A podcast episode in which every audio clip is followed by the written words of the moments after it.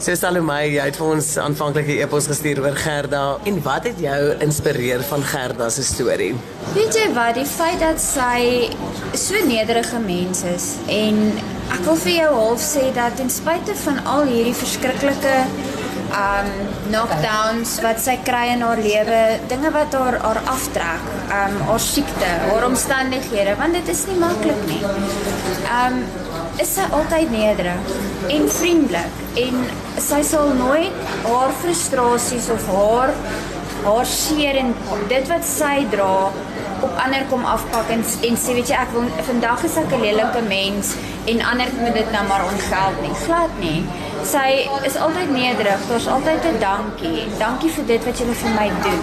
Jy kan sien die dag wanneer sy nie lekker voel nie maar steeds is daar daai dankbaarheid van dankie vir dit wat jy vir my doen. En dit is vir my want as 'n mens nie lekker voel nie is 'n mens geneig om maar maar iffie te wees. Jy's jy's verstaan jy's jy's misluk maar hierdie vrou nie um sy sal intedeel eerder 'n traan pink en dan dan voel jy weet jy ons moet kom troos. Hier is iets iets meer agter dit. So dis wat my van haar geraak het. Dis ten spyte van van alles waardeur sy gaan, het sy nog steeds hierdie menswees in haar van dis nie ander mense se skuld nie, maar ek hoef dit nie op hulle te pak nie. So Gerda, oor na jou, vertel ons van jou diagnose. Ehm um, Ek het al my lewe lank met my longe gesukkel.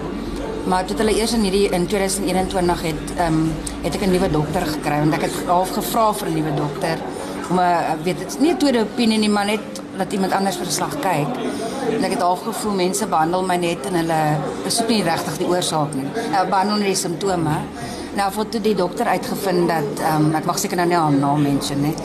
Ehm um, dit is uitgevind dat dit 'n genetiese ding is wat my longe bekeer. Ek het alfa 1 antitrypsien gebrek of deficiency.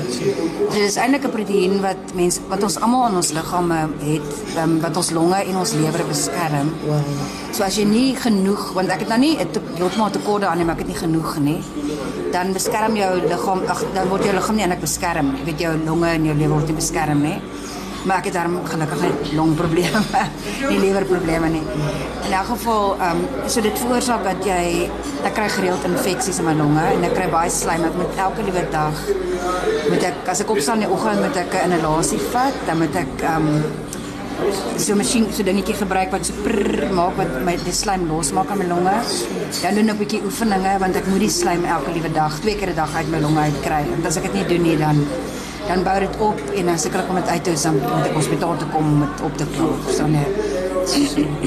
So as ek in die hospitaal beland, dan moet ek ehm um, hulle moet my gewoonlik teater toe stuur om die slijm uit my longe uit te suig want dit wil nie Ek kry dit uit, maar dit is nie genoeg nie. Weet ek kry nie genoeg slijm uit nie. Dan sê vir my wat is jou longfunksie tans? Op die oomblik toe hulle nou laas gemeet het was 16%, maar dit was na COVID.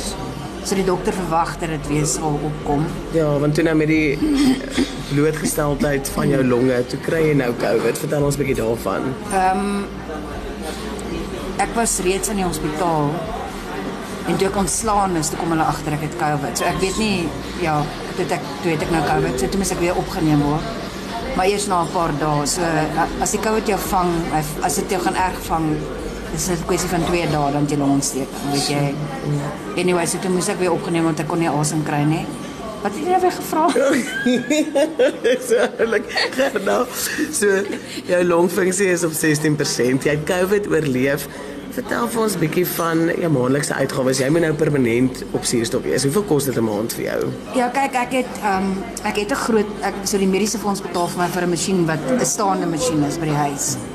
So toe het ek ook 'n ander ek het 'n um, draagbare masjien gehad, maar hy het vir my net 1 uur suurstof uh, weet um backup suurstof gegee vir sien ek gaan nou uit dan die battery net 'n uur lank gewees. Um, so toe um so en dan ook sy suurstofgehalte het te min geword vir my long vir wat die behoefte van my longe nou is. So en in 'n geval op hy net sy battery gebreek so toe kon ek op nie eens meer met hom uitgaan vir 'n uur nie. So ehm um, toe ek begin uh, ja, so die uitgawes is op die stadium dat ek die mediese fonds moet betaal om van my daai masjien te gee, die groot masjien. Maar hulle betaal nie vir 'n draagbare masjien nie, so dan moet ons Toe moes ons bottels Sy betaal dubbel. Ja, toe moes ons bottels aankoop vir die en dan 'n bottel hou net 2 of miskien 3 ure dan af hoe hoog jy dit stel en dan moet jy dit weer hervul. Waar 'n masjien, 'n draagbare masjien maak self die suurstof. So as jy hom het, dan hoef jy nie nooit weer 'n bottel te hervul nie. En die spesifieke masjien wat ek wat ek nodig het is um hy's redelik duur, hy's 33000 rand. Maar die die rede daarvoor is sy kwaliteit van suurstof baie goed is en hy het 4 ure backup battery en dan het hy ook hierdie soos 'n pulsaksie. Jy die oomblik wat jy asemhaal, dan kom daar suurstof uit. So hy hy gee vir jou beter kwaliteit suurstof. So so 'n wonderlike masjien. so dit het ek eers begin, ons het eers begin fudge bemerk. Uh, Barbara het my gehelp en Salome het my gehelp en ek het ook self gekoop, maar dit is 'n baie lang proses en die ding is fondsinsameling vat baie van mense emosioneel en fisies. Dit is iets wat ek eintlik nie nou kan doen nie. Ek het nie eintlik daai krag nie, maar ek het probeer. ek het probeer. So So gaan dat duidelik met jou longsiekte kan jy nie sommer net enige werk doen nie en daarom is jy proaktief en maak jy fudge soos wat jy genoem het. Vertel ons 'n bietjie van hierdie fudge. Ek ek maak dit nie self nie. Ek het 'n um, oom uh, ek het 'n oom ontmoet wat dit maak. Hy het 'n fabriek langs sy huis gebou.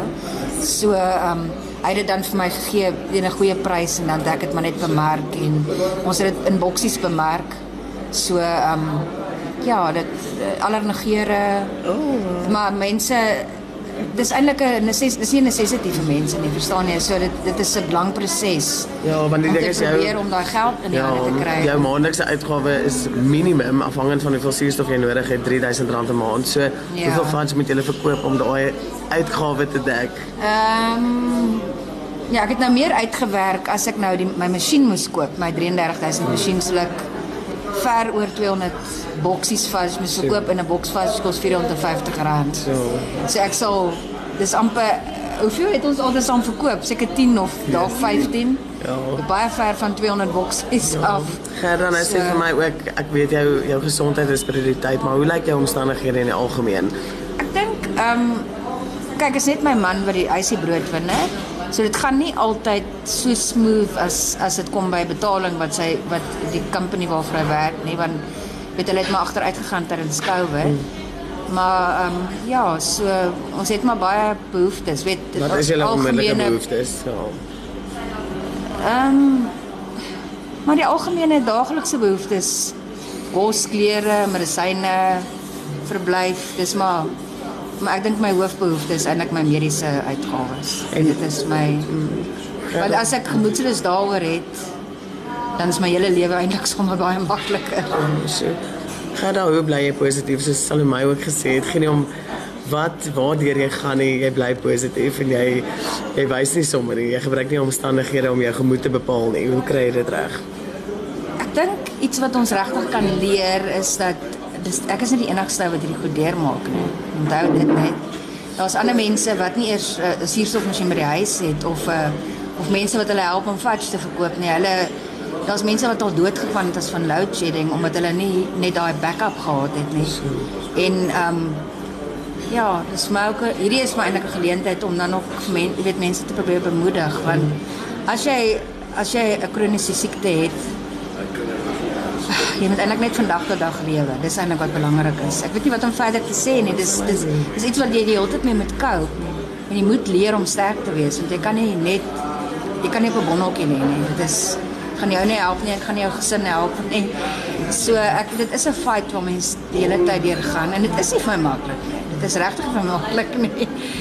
Maar ehm um, ek doen my bes. Ek probeer vandag en weet jy wat, elke liewe oggend wat ons opstaan is is ons het die Here ons weer wakker gemaak. Exactly genade. Ja, is ons almal leef op genade. Gerda, wat is jou grootste droom en wens? Ah.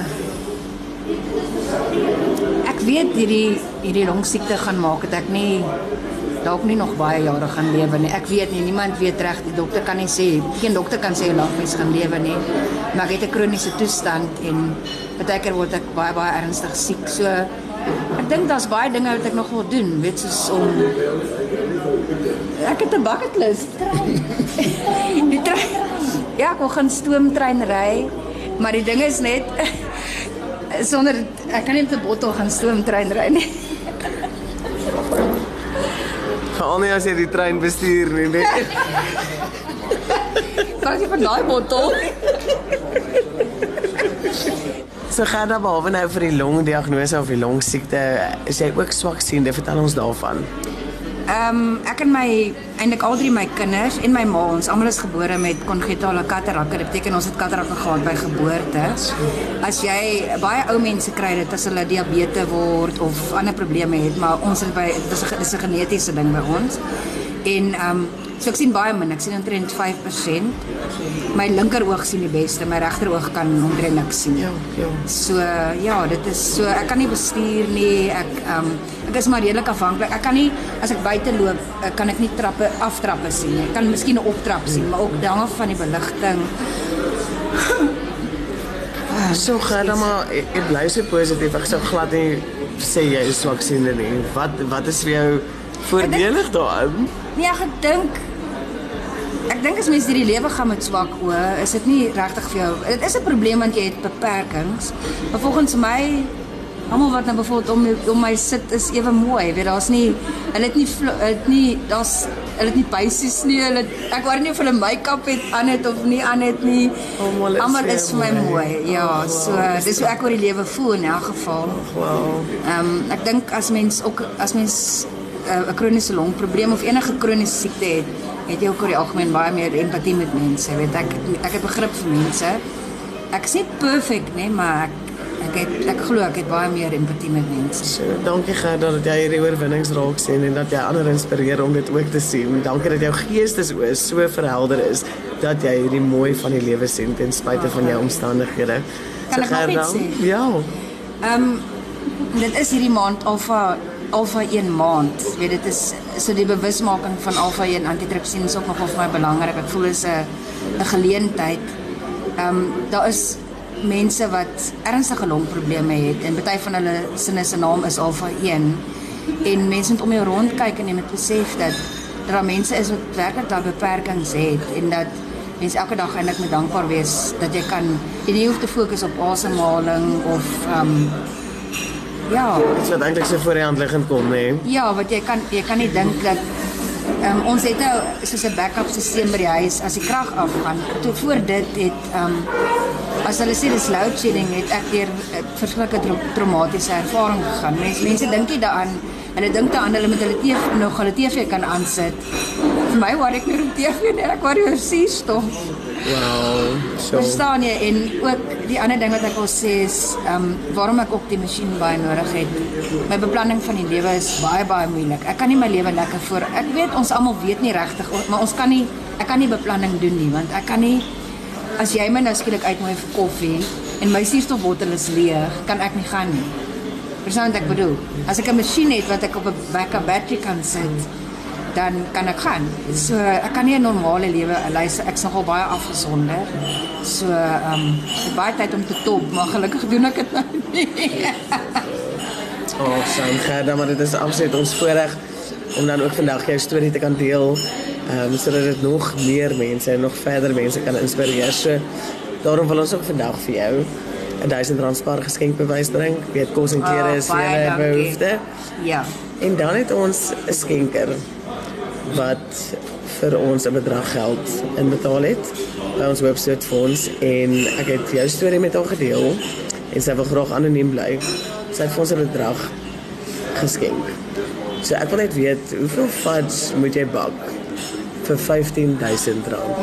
baie. Dis amazing baie baie dankie. Jy hoef nie aan die die- vaste bak nie hoor. en aan ander anonieme skenker kan ek ook net sê jy maak jy maak my dag en jy jy gaan my lewe verander.